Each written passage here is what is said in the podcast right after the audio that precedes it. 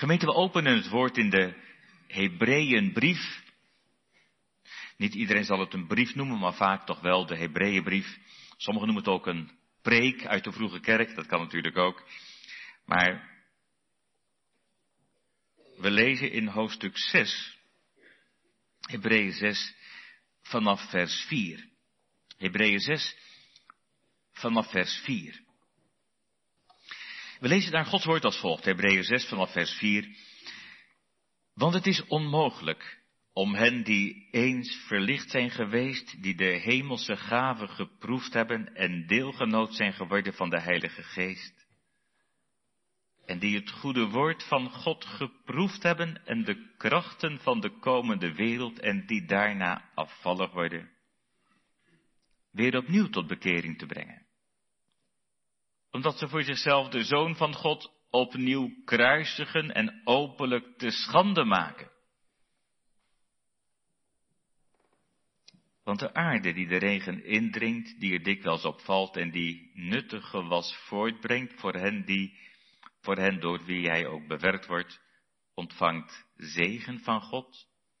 Maar de aarde die dorens en distels voortbrengt is verwerpelijk en de vervloeking nabij, waarvan het einde tot verbranding leidt.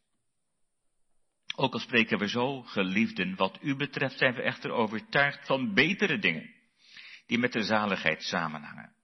Want God is niet onrechtvaardig, dat Hij uw werk zou vergeten en de liefdevolle inspanning die u zijn naam bewezen hebt, doordat u de heiligen gediend hebt en nog dient. Maar wij verlangen ernaar dat ieder van u dezelfde inzet toont, tot volle zekerheid van de hoop tot het einde toe. Opdat u niet traag wordt, maar navolgers bent van hen die door geloof en geduld de beloften beërven. Want toen God Abraham de belofte deed, zwoer hij bij zichzelf, omdat hij bij niemand die hoger was kon zweren. Hij zei, voorzeker, rijk zal ik u zegenen, overvloedig zal ik u in aantal doen toenemen. En zo heeft hij de belofte verkregen, na daar geduldig op gewacht te hebben.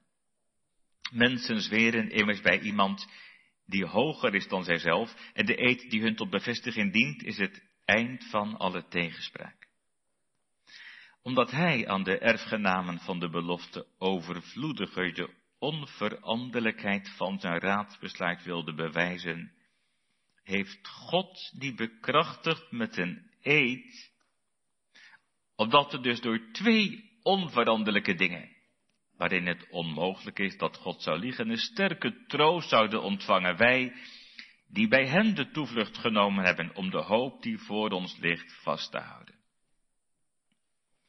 Deze hoop hebben wij als een anker voor de ziel, dat vast en onwrikbaar is en reikt tot in het binnenste heiligdom, achter het voorhangsel.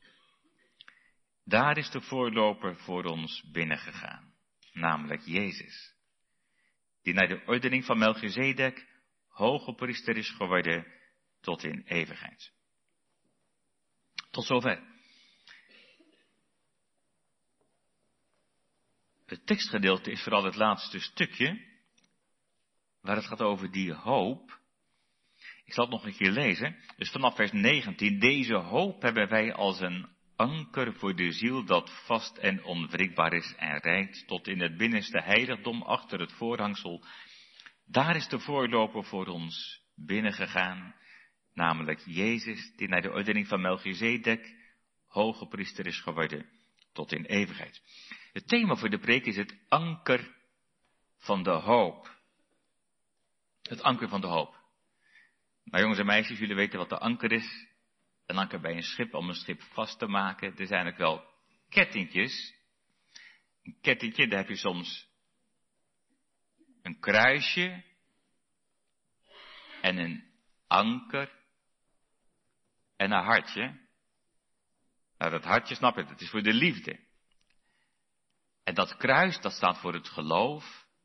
En dat anker staat voor de hoop. Geloof, hoop en liefde.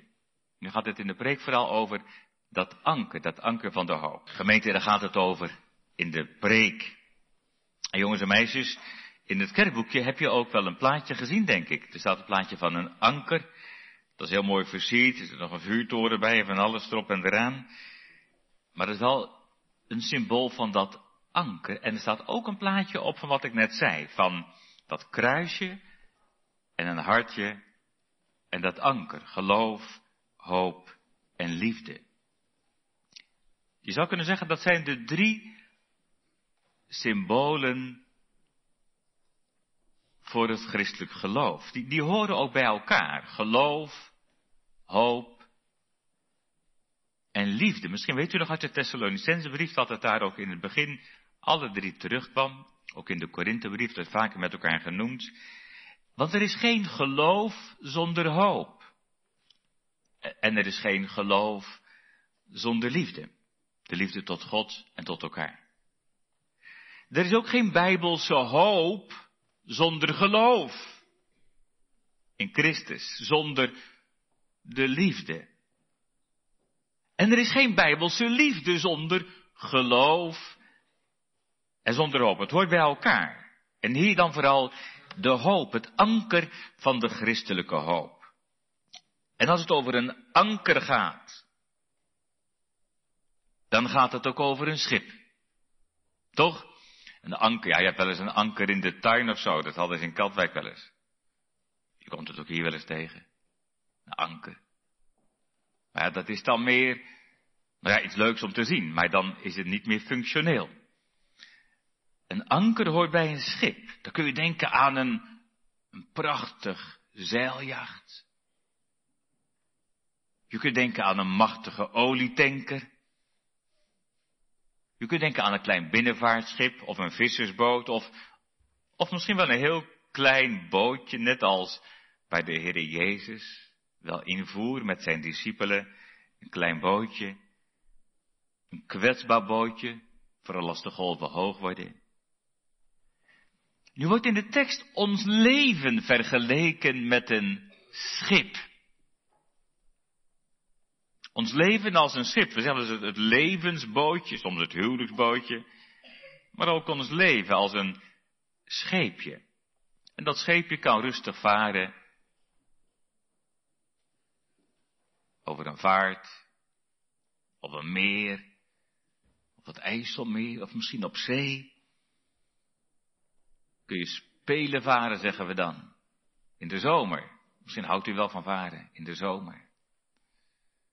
Maar als het noodweer wordt, is dat heel anders. Dan wordt dat schip heen en weer geslingerd. Dan kunnen de wind en de golven vat krijgen op dat schip. Dan kan het worden meegezogen door de stroming. Maar als het anker overboord gaat, dan krijgt het schip vastheid. Dat anker hecht zich vast in de bodem en dan kunnen die golven nog wel tekeer gaan en die wind kan nog wel bulderen. En dat scheepje wordt dan echt al wel heen en weer geslingerd, maar door het anker ligt het scheepje vast. Zo geeft dat anker van de hoop veiligheid en vastheid. Zo staat het in de tekst. Deze hoop staat er hebben wij als een anker voor de ziel, dat vast en onwrikbaar is. Zo staat het er echt, vast en onwrikbaar. Ook kan dat bootje nog alle kanten uitslingeren, vast en onwrikbaar. Daar wil ik eerst even de vinger bij leggen. Want als wij het in het dagelijkse leven over hoop hebben, dan is dat nou niet bepaald wat wij bedoelen met wat vast en onwrikbaar is. Als ik zeg, ik hoop dat het morgen mooi weer is, dan bedoel ik eigenlijk, nou, ik weet niet zeker. Of als je zegt, nou, ik hoop dat ik straks mijn examen haal. Nou, misschien denk je, nou, dat, dat verwacht ik wel een beetje, maar dat hoop ik natuurlijk. Maar we bedoelen met dat woordje hoop dan, nou ja, het zou mooi zijn, maar ik weet het niet zeker. En dat is heel anders in het Bijbelse spraakgebruik. Daarom wil ik dat echt nadrukkelijk benoemen. Want als het hier gaat over, over de hoop, dan wordt niet bedoeld iets van, nou ja, het zou leuk zijn als het waar is. Misschien wel, misschien niet. Nee, dan gaat het over wat vast en zeker is. Daarom staat het er ook zo. Die hoop als een anker voor de ziel dat vast en onwrikbaar is. Die, die christelijke hoop geeft juist vastheid en zekerheid in een wereld waarin eigenlijk niets zeker is. Je kunt je vastheid zoeken in je financiële zekerheid. Maar wie kan ons garanderen dat het geld zijn waarde houdt? En dan zou het geld zijn waarde houden. Wie kan, wie kan ons garanderen dat wij ervan kunnen genieten? Je kunt je vastheid zoeken in je gezondheid en daar kun je van alles aan doen. Maar wie kan ons garanderen dat we gezond blijven? Je kunt je veiligheid zoeken in van allerlei veiligheidsvoorschriften en, en als je ineens een ongeluk krijgt, merk je hoe kwetsbaar je leven is. Denk ook aan de dreiging die je nu openlijk hoort zeggen. Misschien wel een derde wereldoorlog. We hopen van niet, we bidden van niet. We denken misschien, nou, dat zal wel meevallen. Dat hopen we natuurlijk allemaal. Maar ondertussen. Hier op aarde lijken dingen vast. En zeker, maar al die aardse zekerheden worden vroeg of laat afgebroken. Je merkt het ook weer een beetje rondom verhuizing, heel veel dingen. Denk je, ja, nou ja, dit kun je dan meenemen, dat niet, maar je moet alles toch een keer loslaten.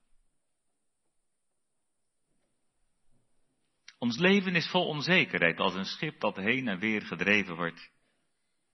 En te midden van die onzekerheid van het leven getuigt de tekst van de vaste hoop. De christelijke hoop als een anker voor de ziel dat vast en onwrikbaar is. Ten diepste is die hoop de enige vastheid voor het levensscheepje van een christen. Dat zou het voor ieder mens zijn, als hij dat anker maar kent en het heeft en het gebruikt. Want die hoop richt zich op Christus. Die hoop richt zich op God. Die hoop richt zich op wat Hij gezegd heeft. Op dat woord waarop Hij verwachting heeft gegeven. Zonder God ben je nog zonder hoop. Zonder God ben je als dat scheepje dat ronddobbert op de golven. Zonder Christus heb je geen vastheid. En, en je ziet het voor je, zo'n scheepje dat koerst richting de rotsen. Zonder anker is dat schip niet te houden. Zonder anker koerst dat schip op de rotsen waar het te pletten slaat. Zo zijn wij van nature, als schepen zonder anker. Dan dobber je rond op de levenszee, zonder God. En het ergste is, dan dobberen we rond zonder dat we God missen.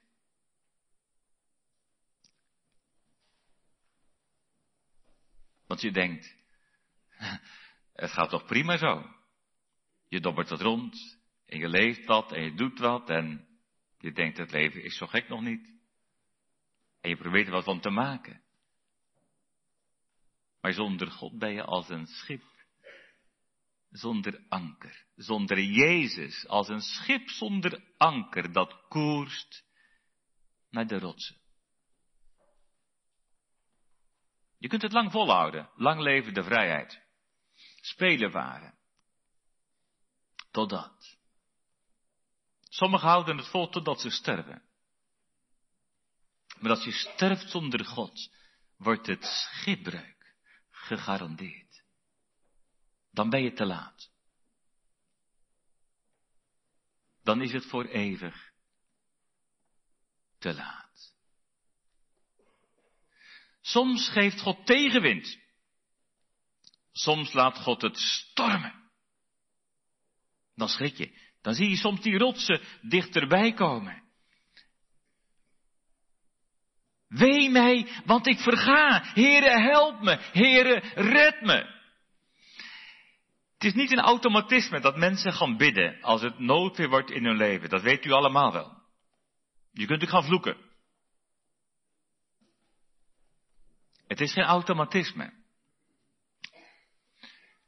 Toch weet u ook wel dat het nogal eens gebeurt dat mensen juist door zo'n noodweer worden stilgezet. Ik vond het ook opmerkelijk wat ik pas hoorde van de evangelisatiecommissie. Dat er meer deuren open gaan. Mensen die altijd zeiden, nou, laat me zitten. Geen behoefte. Dat er meer deuren open gaan hier in Venendaal. Dat is misschien ook wel een aansporing om er ook meer gebruik van te maken.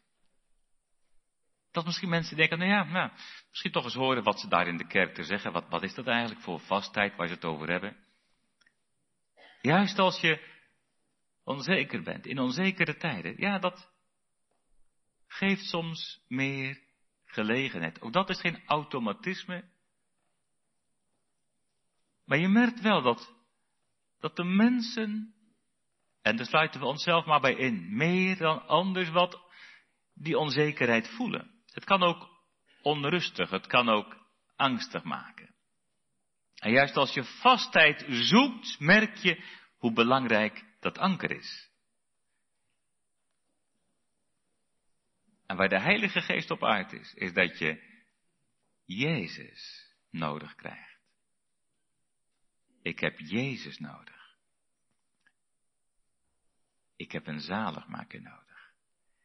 Ik heb een redder nodig. Ik heb Jezus nodig om mij te verzoenen met God. Dat het goed is tussen God en tussen mij. Geef mij Jezus, want ik verga. De Heilige Geest kan stormachtig werken, dat doet hij soms. Maar doorgaans werd hij geleidelijker. Stilletjes en jaart, hij overtuigt je van je zonde voor God. Van je verlorenheid zonder God. Maar ook van het belang van dat anker van de hoop.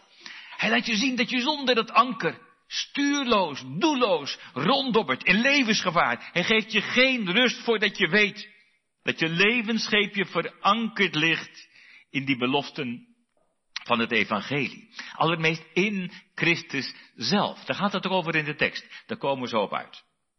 Want daar gaat het om in Hebreeën 6, dat dat anker van ons levensschip vast komt te liggen en vast blijft liggen in God, in de Heer Jezus, in zijn belofte. En dat is mooi gezegd. Ja, toch, dat is mooi gezegd. Maar in de praktijk is dat voor ons zo moeilijk. Dan kun je bij zeggen, dat is bij de mensen onmogelijk. Dat lukt ons niet. Maar wat bij de mensen onmogelijk is, dat doet God. Dat geeft weer hoop. Ik krijg het zelf niet voor elkaar, maar God is het die het doet. Maar wij zijn zonen en dochters van Adam, zegt de Bijbel. En een van de dingen die wij moeilijk vinden, is dat wij God niet kunnen zien.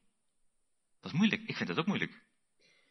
Ik zou God graag willen zien. Dat hoop ik ook. Dat jullie jongelui, dat je daarnaar verlangt om God te zien. Want wie naar God verlangt, die zal hem te zien krijgen. Maar ik kan hem nog niet zien. Ik zou het heel graag willen. Ik kan hem niet zien. En dat is moeilijk.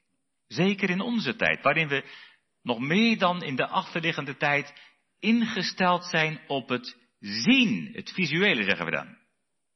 Op het zien. We willen alles zien. Lezen is lastig, dan moet ik nadenken. Ik kan het zien. Veel makkelijker. Het is maar de vraag wat beter is. Maar wat je niet kunt zien, dan denk je, het is er niet. Ik kan het niet zien, dus het is er niet. Ja, totdat je met je vinger in een stopcontact komt. Ik heb nog nooit elektriciteit gezien. Maar ik heb het wel eens gevoeld. En dat wil ik liever niet meer. Er zijn meer dingen die je niet kunt zien en die er toch zijn. Misschien wel de krachtigste dingen. Liefde heb ik ook nog nooit gezien. Maar liefde is krachtiger dan de dood. Zeggen mensen wel eens. Nou, dat kun je alleen maar zeggen als christen. Dat liefde sterker is dan de dood. Dat is, dat is, dat is het geheim van het christelijk geloof. Maar, maar er is heel veel wat we niet kunnen zien. Maar denk nog eens aan dat anker. Wij kunnen wel denken, ik kan het niet zien, dus het is er niet. Ik kan het niet zien, dus het is niet zo belangrijk. Maar wat zie je nog van het anker als het overboord gaat? Je ziet dat anker in het water zakken. En dan, ja, dan zie je niks meer. Dan zie je dat anker niet meer. En toch merk je dat het er is. Hoe weet je dat dan? Dat voel je. Je voelt op een gegeven moment die trekkracht van dat anker. Dan ligt het bootje vast. Je ziet het niet. Je ziet er niks van. Maar je merkt het wel. Zo is het ook met het anker van de hoop. Die hoop richt zich op God, op Christus, op zijn woord. Maar je kunt God niet zien. Als uiteraard willen. En ik hoop dat u dat wilt. En je ziet nog niet zoveel van de vervulling van die belofte. Je kunt zeggen, het staat in de Bijbel, maar wat zie ik daarvan? En toch geeft die hoop vastheid aan dat bootje. Je voelt die trekkracht van de hoop. Dat is de hoop op Christus, de hoop op God. Dat is, dat is nou het werk van de Heilige Geest. Die begint te trekken van binnen. Dat je zonder God en zonder Jezus niet meer kunt. Van nature is die trekkracht er niet naar Jezus. Ja, wel naar van alles en nog wat. We voelen van alles trekken, maar niet naar God. Maar waar de geest van God werkt, begint je hart te trekken naar God. Je mist God en je kunt hem niet missen. Je mist Jezus, maar je kunt hem niet missen. En dat anker van de hoop begint te trekken aan je levensscheepje. Dat is van levensbelang. Ondertussen is het gevaar aanwezig dat je de hoop opgeeft. En dat gebeurt. Dat mensen de hoop opgeven. En dat ze denken het zal wel.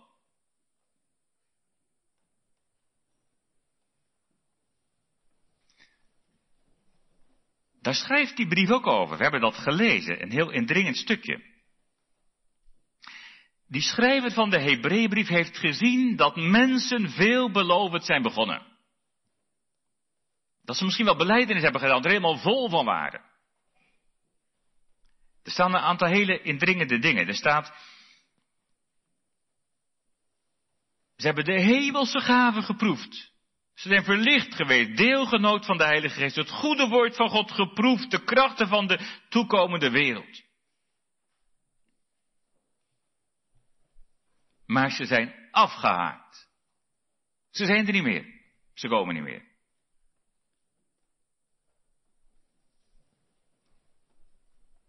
Misschien een jaar wordt aan Christus gegeven.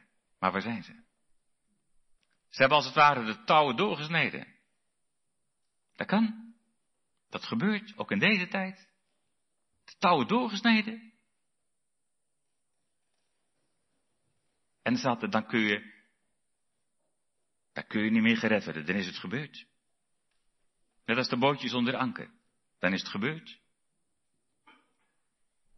Nu is dat ook een moeilijk stukje. Er zijn mensen die denken dat betekent, als iemand echt heeft geloof, kan die afvallen. Nou, dat lijkt me bijbels gezien problematisch. Er zijn ook mensen die zeggen, je kunt blijkbaar als je één keer afhaakt, niet meer terugkomen. Maar als dat zo was, had die verloren zoon ook niet meer kunnen terugkomen. Dat kan het ook niet zijn. Ik denk dat het meer ligt in wat er verderop staat, dat je in de kerk altijd twee dingen ziet. Dat er vruchten zijn van geloof en bekering en onkruid. Of met de andere beeld, koren en kaf. En waarom is er geen verzoening, geen terugkeer, geen bekering mogelijk als iemand afhaakt? Omdat hij de enige die redden kan verwerpt. Dat wil niet zeggen dat er in dat bloed van Christus geen vergeving meer is. Verderop in de brief in hoofdstuk 10 gaat het over het verachten van het bloed van Christus. En dan staat er dan, dan blijft er geen offer over. Met andere woorden, als je het bloed van Christus verwerpt, heb je niets meer wat je kan redden. Dat is hetzelfde als dat je zegt, er is maar één dokter die me kan helpen. En als je zegt, die dokter hoef ik niet, dan is er geen andere dokter. Dat is hier vooral bedoeld. Dat wil niet zeggen dat er, zolang we leven, een weg terug is naar die ene dokter. Dat mag u altijd laten staan. Zolang we leven is er een weg terug naar die ene dokter. Maar zolang die dokter afwijst, is er geen andere dokter. Is er geen genezing. Is er geen terugkeer. Zolang die ene dokter afwijst. Of zolang het het bloed van Christus veracht, is er geen andere mogelijkheid. Dat wil niet zeggen dat je tegen mensen moet zeggen, voor jou kan het niet meer. Want de Heer Jezus zegt, het kan nog wel. En dat blijft staan. Zolang je leeft, is er een weg terug. Dat heeft ook te maken met de zonde tegen de Heilige Geest. De kern daarvan is niet dat er te weinig vergeving bij God zou zijn. Maar dat de zonde tegen de Heilige Geest de uiterste zonde van de verharding is. Dat je uiterst volhardend blijft weigeren naar die dokter te gaan. Dan is er geen vergeving. Dan is er niks meer aan te doen. Maar die dokter blijft daar wel. En bij die, bij die dokter mag je altijd terecht. Dat mogen we tegen iedereen blijven zeggen. Die dokter is daar. Christus is daar. Dat bloed van Christus, dat reinigt van alle zonden. Daar doen we niets van af. Dat zou de duivel wel willen. Dat dat uitgewerkt was. Maar dat is niet waar. Het is niet uitgewerkt. Er is kracht in het bloed van het lam. Voor de grootste van de zondaren. Maar zegt de brief, pas op dat je niet die kabels doorsnijdt. Wat je doet. Er is geen ander anker. Nu wordt ook het voorbeeld genoemd van Abraham. In vers 14. God had hem een talrijk nageslacht beloofd. God had heel veel beloofd. Maar wat ziet Abraham ervan? Helemaal niks. Ze zouden kinderen krijgen, een volk krijgen, maar er is geen één kind geboren. Tien jaar lang, twintig jaar lang. Het duurt 25 jaar, 25 jaar getrouwd. Daar komt de eerste zoon. Over beproevingen gesproken, geloven zonder zien. Ze zagen het niet. Ze hadden het woord, maar ze zagen er niks van. En dan, dan komt het moeilijkste. Dan moeten ze de beloofde zoon offeren. Dan lijkt het alsof God vraagt van Abraham, moet je zelf mijn belofte verbranden. Dan denk je, hoe kan dat nou? Wat is dat nou? Wat moet ik daarvan denken? Wat heeft het gestormd in het leven van Abraham? Noodweer, onvoorstelbaar. Dan lijkt Abraham met al die beloften van God schipbreuk te lijden. Waar ben je dan met je God en je belofte? Dan lijkt het allemaal mis te gaan. Houdt hij niks over. Dan lijkt hij schipbreuk te lijden met God. En met de belofte van God. Het toch allemaal niks. En toch blijft Abraham hopen op God en op zijn woord. Dat is het nochtans van het geloof. Abraham heeft dat anker van de hoop gebruikt. Daarom wordt dat voorbeeld hier gebruikt. En als je denkt aan Abraham, wie zou dan durven zeggen, Abraham is bedrogen uitgekomen met God? Abraham heeft het anker gebruikt. En Abraham is een zichtbaar bewijs dat dat niet te vergeefs is geweest. Dat dat anker werkelijk vast en onwrikbaar is. Want Abraham, Abraham weet het zeker. Dat God het niet alleen beloofd heeft, maar het ook doet. En dat kunt u nakijken. U kunt het zien. En ik ook. We kunnen zien dat wat God beloofd heeft aan Abraham, dat dat gebeurd is. Dat kunnen we zien. Dan kunnen u zien dat dat uitgekomen is, dat dat niet te vergeefs was. Hoezo dan? En wat had God beloofd? Een zoon. Is die gekomen? U weet het allemaal. God had beloofd een nageslacht, een volk. Is het volk gekomen? Dat weten we allemaal. Het volk van Israël. God had beloofd die ene zoon, in wie alle volken gezegend zouden worden. Is die zoon gekomen? Ja of nee? Die is gekomen. Abraham zag er niks van. En het leek allemaal te vergeefs. Maar Abraham is een voorbeeld dat het anker van de hoop vast en onwrikbaar is. Niet dat Abraham zelf vast en onwrikbaar was, die werd alle kanten heen geslingerd. Maar die hoop, dat anker is betrouwbaar. Dat zie je aan Abraham. En wij, wij kunnen de bewijzen onderzoeken. Wij kunnen het zien in onze tijd.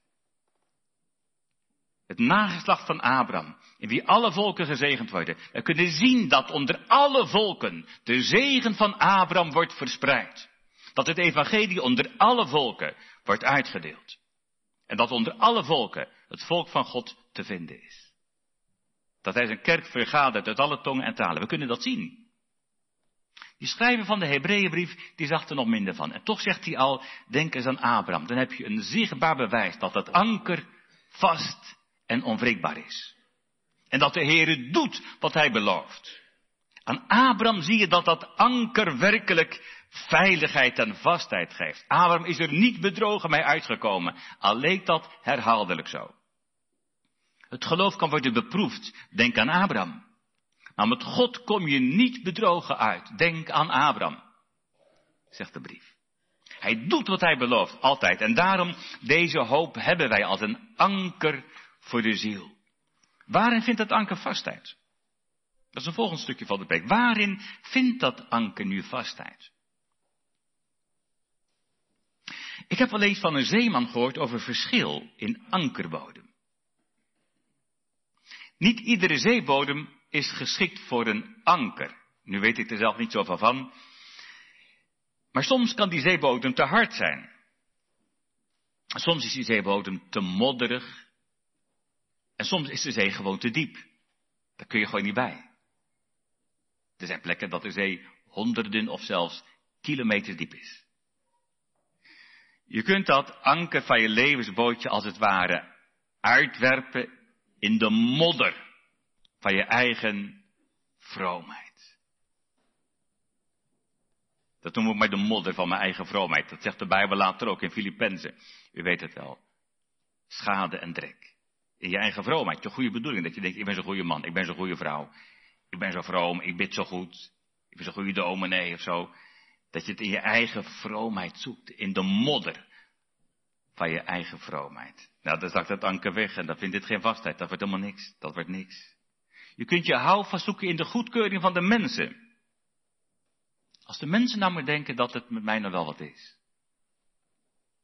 Maar met mensen kom je toch weer bedrogen uit. Daar vind je geen echt houvast, want dan blijft het knagen. Ja, maar wat zal, wat zal God daarvan vinden? Waar vindt dat anker vastheid? En dan moet u nog eens goed meekijken naar de tekst. En ook jullie jongelui, dat is best een belangrijk stukje. Waar vindt dat anker vastheid? Er staat, we hebben die, die hoop als een anker voor de ziel dat vast en onwrikbaar is. En staat, dat rijdt tot in het binnenste heiligdom achter het voorhangsel. Dan denk je eens, wat is dat nou? Dan merk je dat het beeldspraak is. En dan verschuift die beeldspraak van de zeebodem naar het heiligdom.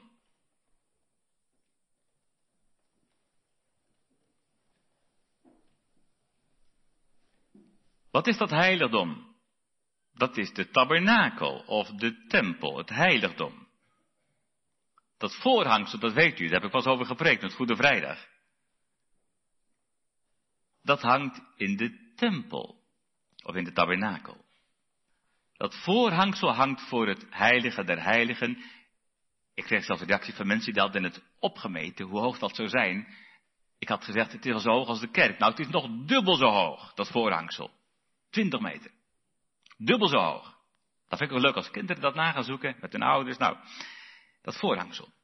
En daarachter staat die ark van God. Met dat verzoendeksel en in het heiligdom werkende priesters. En dan gaat het hier vooral om die ene priester. Dat is de Heere Jezus. Hij wordt genoemd de hoge priester naar de ordening van Melchizedek. In het dagboekje van de GZB ging het daar gisteren ook over. Jezus, die hoge priester, de ordening van Melchizedek. Wat doet Jezus als priester? Waar doet hij dienst? Is hij een hoge priester in de tempel? Dan moet u een beetje bijbelvast zijn. Jezus heeft nooit in de tempel gediend als priester. Als mens mocht dat niet eens. Want dan moest je uit de stam van Levi zijn. En de Heer Jezus was uit de stam van Juda, als mens. Dus hij mocht helemaal geen hoge priester zijn in de tempel op aarde. Hij mocht er helemaal niet komen in het heilige en het heilige der heiligen.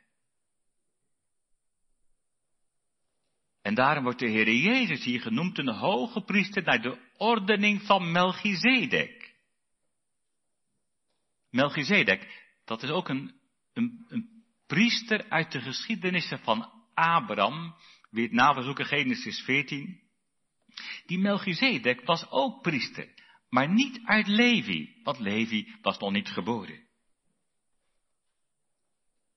En waar het om gaat, in het vervolg van die wordt uitgelegd dat hoge priesterschap van Melchizedek is van een hogere orde dan dat priesterschap van Levi. Daar gaat het om.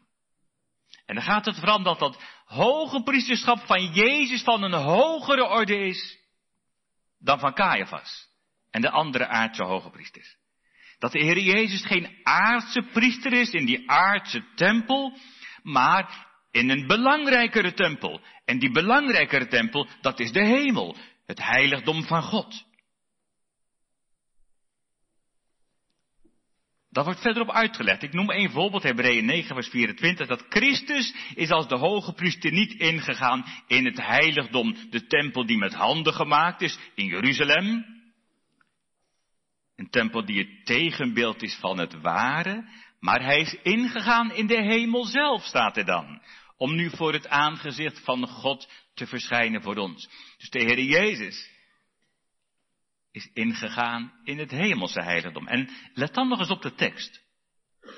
Het gaat over het uitwerpen van het anker van je levensscheepje in dat binnenste heiligdom. Achter het voorhangsel. Dat we zeggen in het heilige der heiligen. En dan gaat het niet om de aardse tempel. Dan gaat het om het hemelse heiligdom waar de Heere Jezus actief is als de hoge priester. Want na Pasen is hij wel naar de hemel gegaan, maar niet om te verdwijnen. Hij is als die hemelse hoge priester actief voor zijn kerk op aarde. Hij is bezig.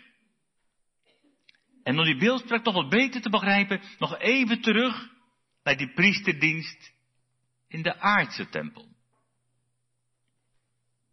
In dat binnenste heiligdom met dat verzoendeksel, daar mocht normaal gesproken niemand komen.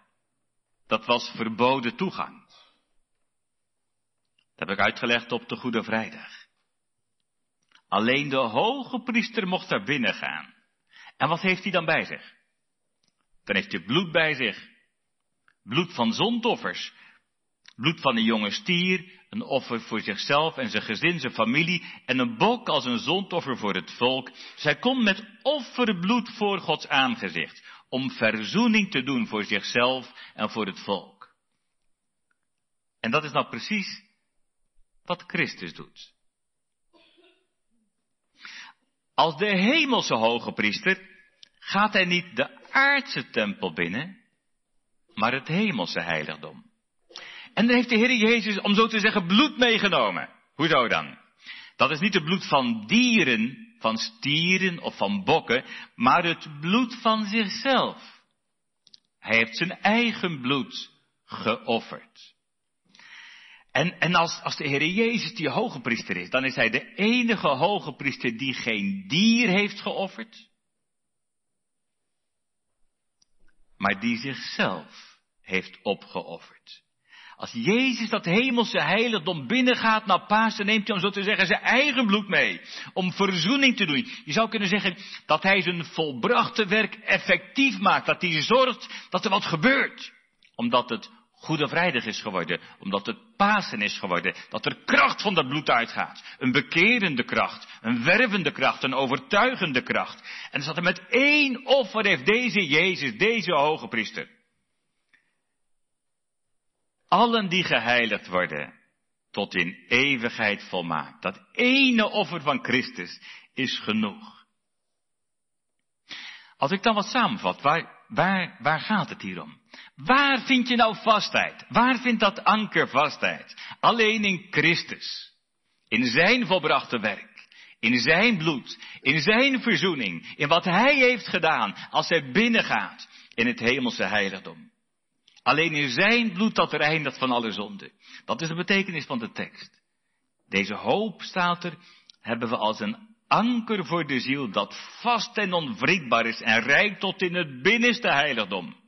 Achter het voren, als het ware het anker uitwerpen. Bij dat verzoendeksel. Bij God. Waar Jezus is. Waar Hij komt. Met zijn verzoenende bloed. Daar vind je vastheid.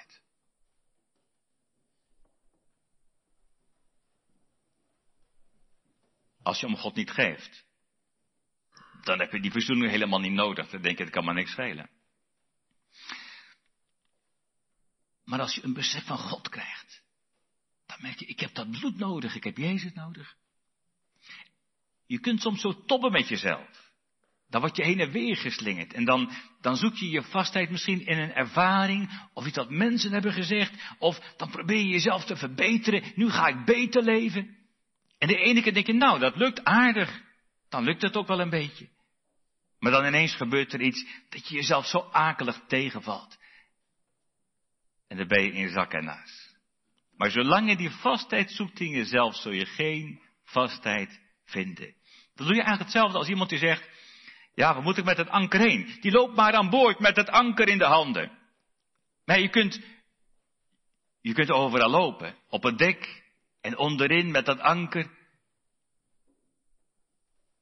Maar het is alleen maar ballast.